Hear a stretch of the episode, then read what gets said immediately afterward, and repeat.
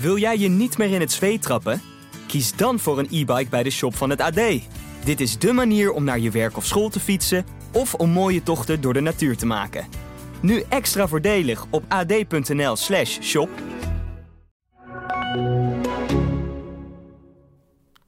Ze hebben het afgedaan als eenvoudig bezoek, constatering, klaar. Er is wel degelijk onderzoek gedaan. Wat heeft gemaakt dat ze wel veel onderzoek hebben gedaan en er niet mee naar buiten komen?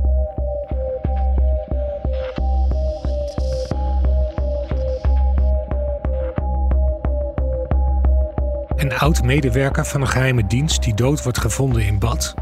Een vrouw die probeert te vluchten. En een politieonderzoek dat in de kiem wordt gesmoord. Wat zit er achter de dood van Hans van der Ven en waarom krijgen nabestaanden geen duidelijkheid? Er moet een connectie zijn. Maar ik weet niet welke.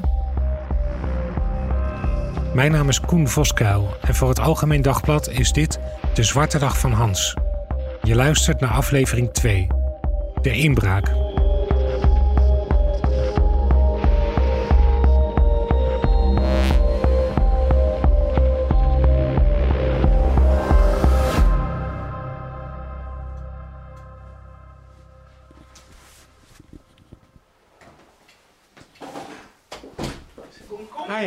Yes. Nou, goed je te zien. Zeker. Hoi, Poes. Hoi. Aan de andere kant van Amstelveen, op vijf kilometer van de woning van Hans, woont Hanneke van Hilten. Ze was niet alleen de huisarts van Hans, maar ook degene die Hans het langste kende. In 1966 is er heel veel nieuwbouw gekomen in Amstelveen. Er is een hele wijk gekomen, bankras kost verloren. En daar eh, waren eensgezinswoningen en flatwoningen, tenminste drie verdiepingen eh, huizen. En de meeste mensen die er kwamen wonen, kwamen uit Amsterdam en allemaal eh, gezinnen met jonge kinderen. Toen mijn ouders dat huis kochten, eh, wist eigenlijk de hele straat al dat er een gezin ging komen met een aangenomen zoon. Niemand had ze nog gezien. Toen we er eenmaal woonden, kwam hij en zei: Ik ben Hans van de Ven en ik ben 15 jaar. Hij zou met drie weken in een kinderthuis zijn gebracht, buiten neergelegd, niet afgegeven. Daar is hij opgenomen en dat was in de tijd dat ze kinderen te eten gaven, dat er regelmaat was in slapen, dat er volgens de regels omgegaan werd met kinderen en zeker niet hechten, want ze gingen toch weer weg. Hij is in de eerste vijf jaar twee keer um, met een gezin uh, meegegaan. En dat beviel niet of dat pakte niet goed uit, is hij weer teruggebracht. Dus hij heeft een bagage gehad voor hij uiteindelijk bij zijn ouders gekomen is, die niet eenvoudig is. Wat merkte je aan hem van die, die ingewikkelde start die hij heeft gekend? Um, bij de adoptieprocedure zat ook begeleiding door een psychiater. En waarom dat was, weet ik niet. Maar daar ging hij eens in de zoveel tijd naartoe, ook nog toen hij 15 was. En daar kon hij geen woord meer wisselen in zijn beleven. Daar schaakte hij mee. Dus zelfs een professional heeft geen kans gezien om door te dringen tot wie hij werkelijk was, dat hij een stuk niet heeft willen prijsgeven. En hij was hartstikke gezellig en deed met alles mee, koken, uh, maar kwam niet te dichtbij. Ja, ja. Hij hield altijd een klein stukje van zichzelf ja, verborgen ja, van anderen. Ja. Jullie hebben een bijzondere vriendschap ontwikkeld, hè? We hebben zelfs een relatie gehad. We hebben samen gewoond. Hans heeft tijdens die relatie de wens om met Hanneke een gezin te vormen. Hij wil zijn kinderen beter opvoeden dan zijn eigen ouders dat hebben gedaan. Maar Hanneke besluit dat ze dat niet wil. Het betekent het einde van hun relatie. En dat heeft hem uh, verdriet gedaan. En dat maakt ook nu dat ik me uh, schuldig voel aan het geheel. Want ik heb hem laten zakken. We hebben de boel een beetje laten uh, betijen. De vriendschap is weer opgepakt. En door de jaren heen is dat over en weer goed gegaan. Dus dat is wel een enorme bocht die hij gedraaid heeft. Allebei krijgen ze door de jaren heen andere relaties, maar de vriendschap blijft, vertelt Hanneke. Al komt Hans vaker langs bij Hanneke dan andersom. Het was er altijd zo'n zootje. En dat vond ik niet fijn. Maar op een gegeven moment, ik weet werkelijk niet meer wat de reden was. Kwam ik daar, belde ik aan en de keuken is aan de straatkant en daar hingen luxeflexen verkeerd om. Er hing een brede voor het smalle raam en een smalle voor het brede raam. Dat zou een keer zo zijn gebeurd na schoonmaken. En dat maakte dat je door de ruimte tussen de luxeflexen naar binnen kon kijken. En er stond een bank met zijn rug naar het keukenraam, wat je kon zien vanaf de straat. En als ik belde, dan dook er iets weg. En dat was er niet als ik binnenkwam. En toen dacht ik, ja jongens, wat gebeurt hier? Dat had ik twee keer laten gebeuren, want ik kreeg eigenlijk geen duidelijk antwoord van Ven. En eh, toen ben ik onderaan de trap gaan staan en ik heb gezegd: Ik wil dat je beneden komt. En toen kwam er een, een vrouw in een witte badjas uh, naar beneden. En die had een heel verhaal dat ze voor hem zorgde en dat ze zijn gezondheid in de gaten hield en dat ze uh, aan alle kanten goed was. Nou, ik kreeg er de kriebels van. En ik heb gezegd, ik wil niet dat dit gebeurt. En tegen Ven heb ik gezegd, ik wil dat ze weggaat, want het is een slecht mens.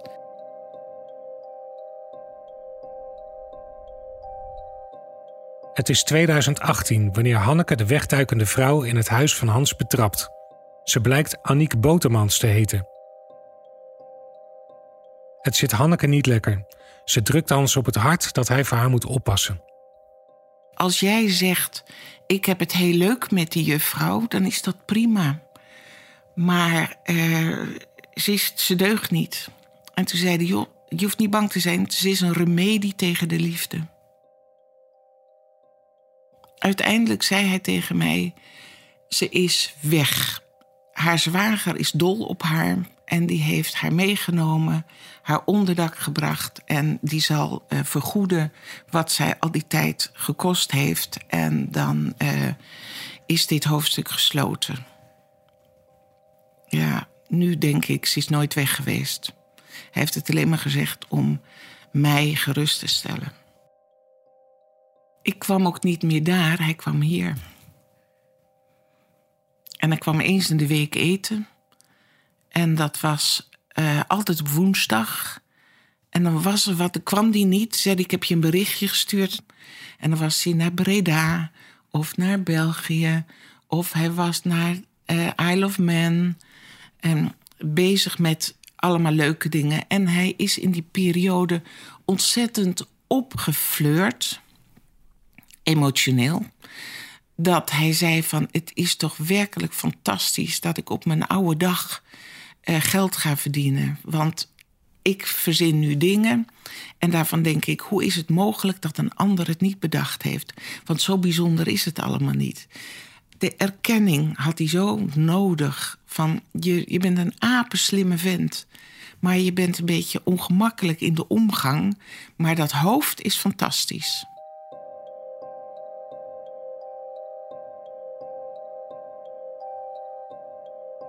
Oud-MIVD'er Hans van de Ven ontpopt zich als een uitvinder met een veelheid aan ideeën.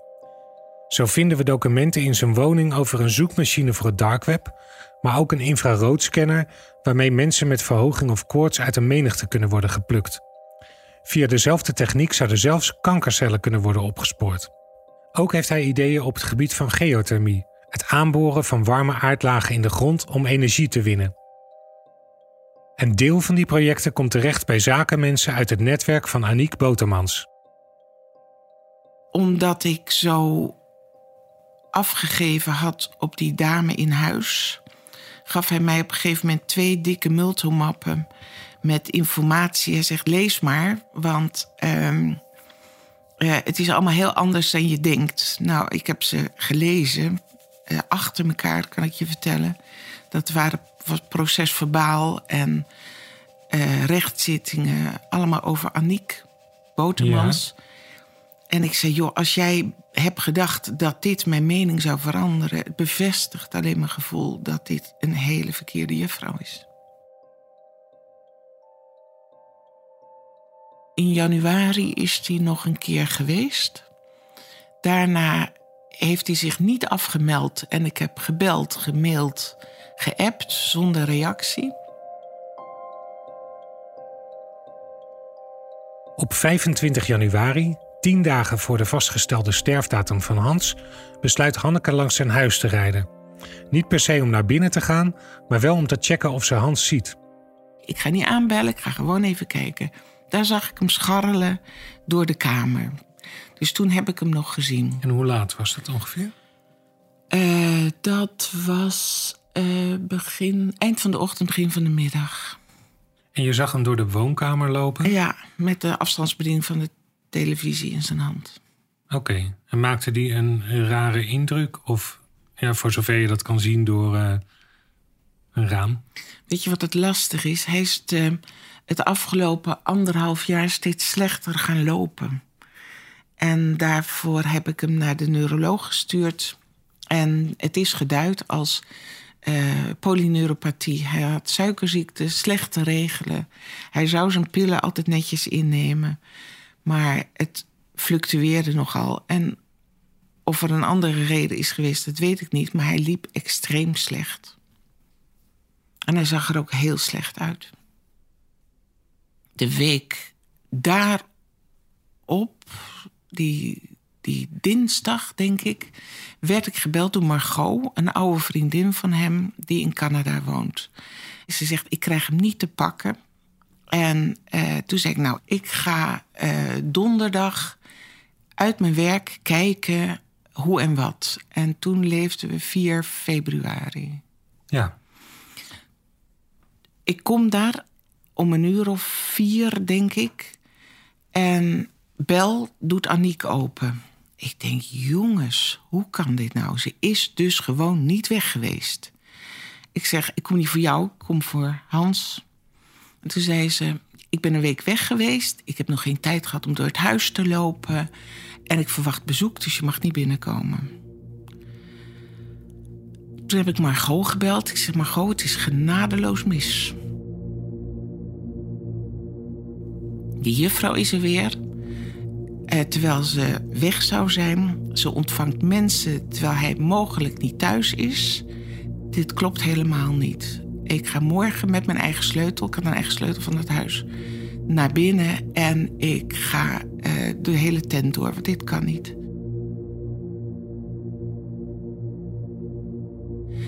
Volgende middag werd ik gebeld door de schouwarts. Die zegt uh, hij is dood aangetroffen in bad. En denk aan een, uh, een aorta-ruptuur. In een woning in de wijk Waardhuizen is vanmorgen een dode gevonden. De politie heeft een medebewoner aangehouden vanwege, zoals de politie dat noemt, verdachte omstandigheden in de woning. Dat zou een misdrijf kunnen betekenen. Ik zie, het kan niet. Het klopt niet. en doet onderzoek in de woning. Of het slachtoffer een man of een vrouw is, heeft de politie nog niet bekendgemaakt.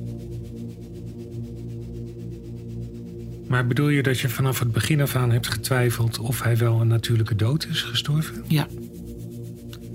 Ja.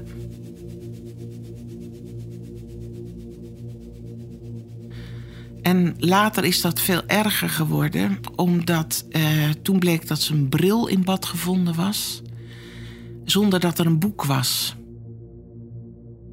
Er was een enorm spoor van braaksel en diarree, van zijn bed tot aan het bad. Hij moet doodziek zijn geweest. En iemand die doodziek is en die zit in bad, wat geef je hem dan onder zijn neus waar hij zijn bril voor nodig heeft?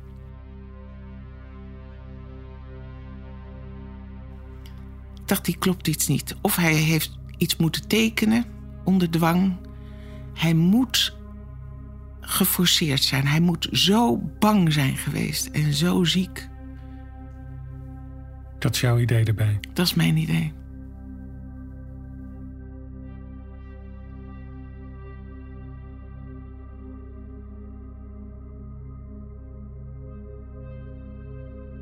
Wat Hanneke hier zegt, komt bij mij hard binnen.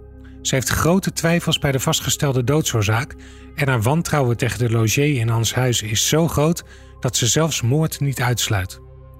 De weinige onderzoeksgegevens die de politie verstrekt maken het niet veel duidelijker. En is Hans wel op 4 februari gestorven? Hanneke zet vraagtekens bij de manier waarop het tijdstip van overlijden is vastgesteld. Dat zou zijn gedaan op de temperatuur van het badwater. Dat was 19 graden. Nou was het natuurlijk februari, dus de verwarming in huis is ook aangeweest. En het zal een beetje dezelfde temperatuur aangenomen hebben. In het, uh, in het contact met de schouwarts later per mail wordt een andere temperatuur genoemd, maar dat doet natuurlijk niks af aan de datum. Maar de onduidelijkheid in het hele verhaal maakt dat ik denk dat het niet compleet is. De politie heeft niet zoveel verteld en laat ook een hele hoop informatie achter. Houdt informatie achter. De schouwarts zegt de politie heeft heel veel foto's gemaakt en dan komt de politie niet mee. Ja, sterker nog, de politie zegt er zijn geen foto's gemaakt. Ja. Zwart op wit. Ja. Maar de schouwarts zegt de politie heeft foto's gemaakt. Wat is de reden dat het niet open mag? Later hoor ik van een assistente dat de straat vol met politieauto's heeft gestaan.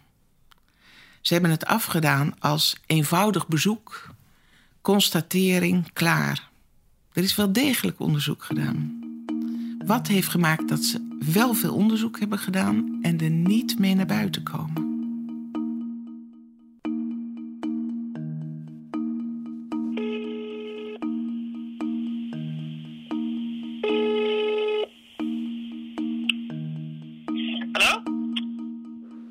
Via een lokale nieuwsfotografe kom ik erachter dat de politie die 5 februari tot ver in de middag bezig was in het huis van Hans. De fotograaf heeft ook foto's gemaakt van leden van de forensische opsporing in witte pakken. Wat hebben die dan al die uren gedaan?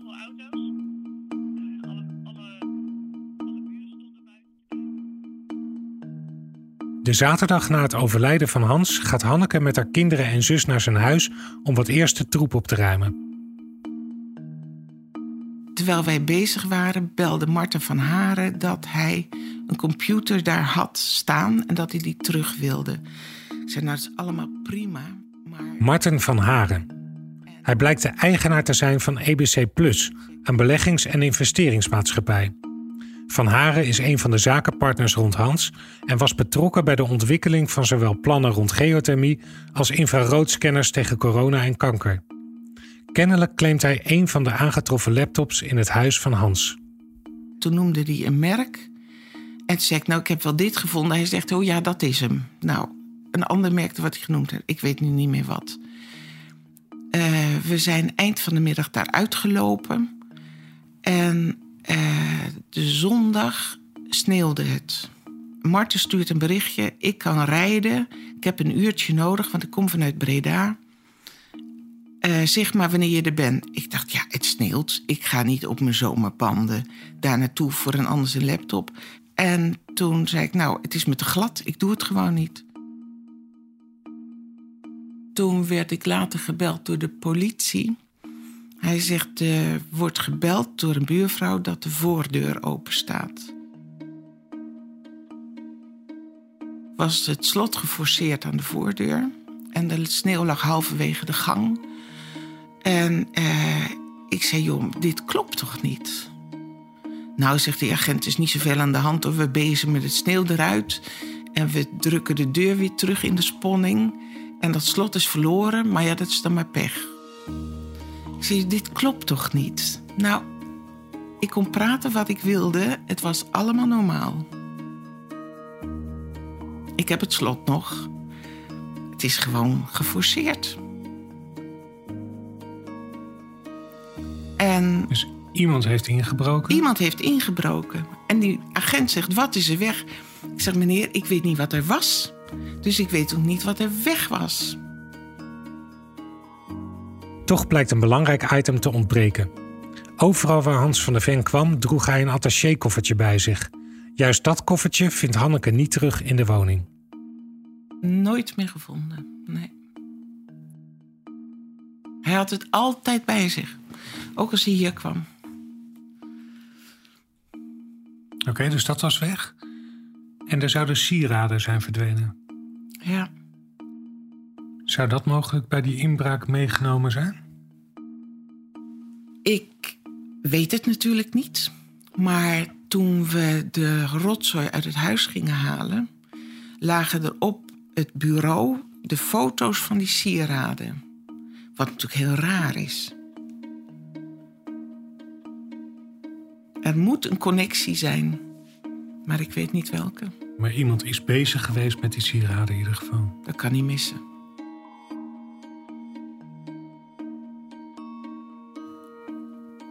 Denk jij dat Hans is overleden op de vierde?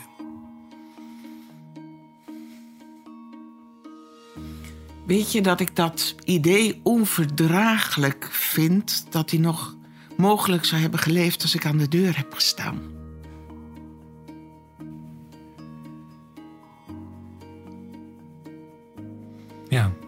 Want ik kon dat mens niet uitstaan. Ik vertrouwde er voor geen cent.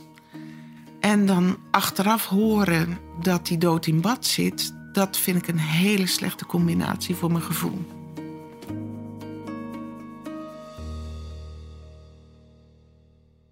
Behalve de inbraak blijken er meer vreemde voorvallen te zijn geweest. Op 3 februari overlijdt Wim, een goede vriend van Hans. Maar hoe ze hem ook proberen te bereiken, Hans reageert niet. Dus belt op 4 februari, de dag voordat de politie binnenvalt, een vriendin bij hem aan. En daar troffen ze Aniek aan de deur. En die zei: Ik heb geen idee waar die is. Maar hij heeft het heel goed. Hij is aan het dansen. Nou Wat een ja. bizarre zin is dat, hè? ja, Want heb je Hans ooit zien dansen? nee. Nee. Je vertelde dat hij heel moeilijk Hij loopt. liep heel moeilijk. Ja, liep heel moeilijk. Dus hoe, hoe interpreteer jij die zin? Ja, afdeling rookgordijnen. De, dit is een antwoord waar niemand wat mee kan. En wat een echt antwoord verhult. En dat was op een plek waar hij heel gelukkig was. Ja, Dat is ook zo'n rare zin, hè? ja. Kippenvel. Ja. Wetende dat hij toen vermoedelijk al dood in bad lag. Ja.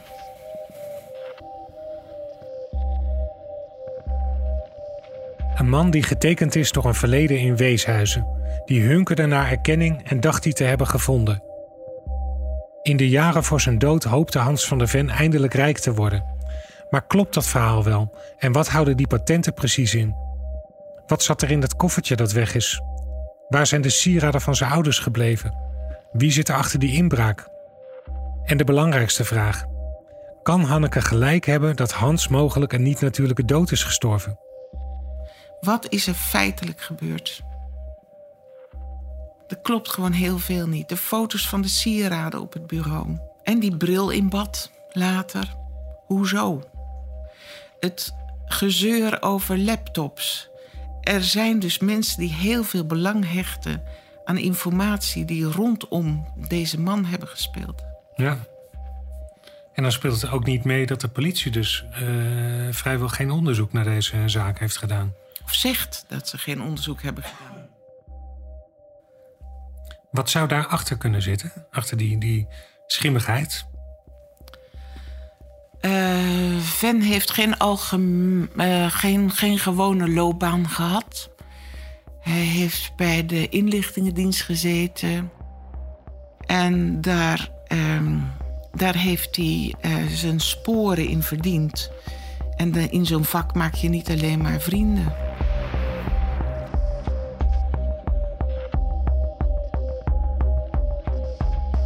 Eerlijk gezegd heb ik alleen maar meer vragen gekregen.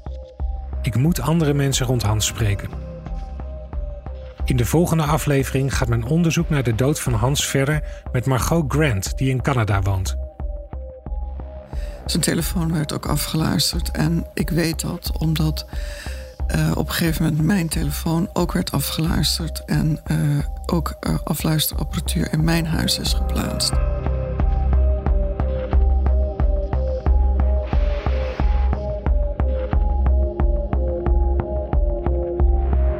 Dit was de tweede aflevering van De Zwarte Dag van Hans. Gepresenteerd door mij, Koen Voskuil, en geproduceerd door David Achter de Molen van het podcastkantoor. Eindredactie werd gedaan door Kevin Goes. Korte disclaimer.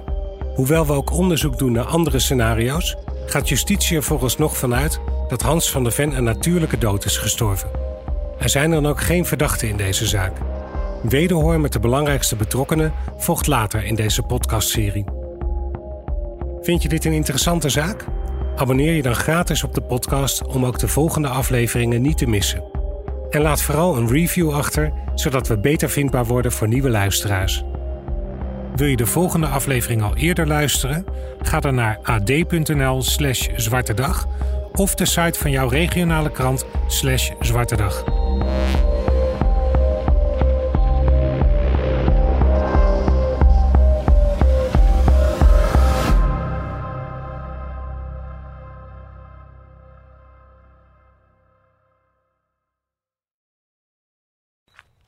Ik vind hier best wel een beetje onheilspellend.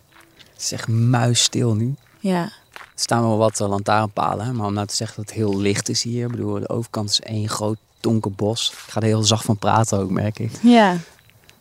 En hier is ze dus uh, voor het laatst gezien. Ja. Ja, dat voelt heel raar. Een paar minuten over elf is ze weggegaan. Ze stond op en zei: Ik ga naar huis. En door de voordeur is, uh, is ze weggegaan. Niemand heeft Eefke na die tijd nog gezien. Wat is hier gebeurd? Eefke, in rook opgegaan. Een nieuwe true crime podcast van de Stenter. Nu te beluisteren via alle podcastplatforms en via ad.nl slash podcasts. Het is toch raar? Ze kan nog leven, hè? Ze kan, ze kan zo morgen voor de deur staan. Wil jij je niet meer in het zweet trappen? Kies dan voor een e-bike bij de shop van het AD. Dit is dé manier om naar je werk of school te fietsen of om mooie tochten door de natuur te maken. Nu extra voordelig op ad.nl/shop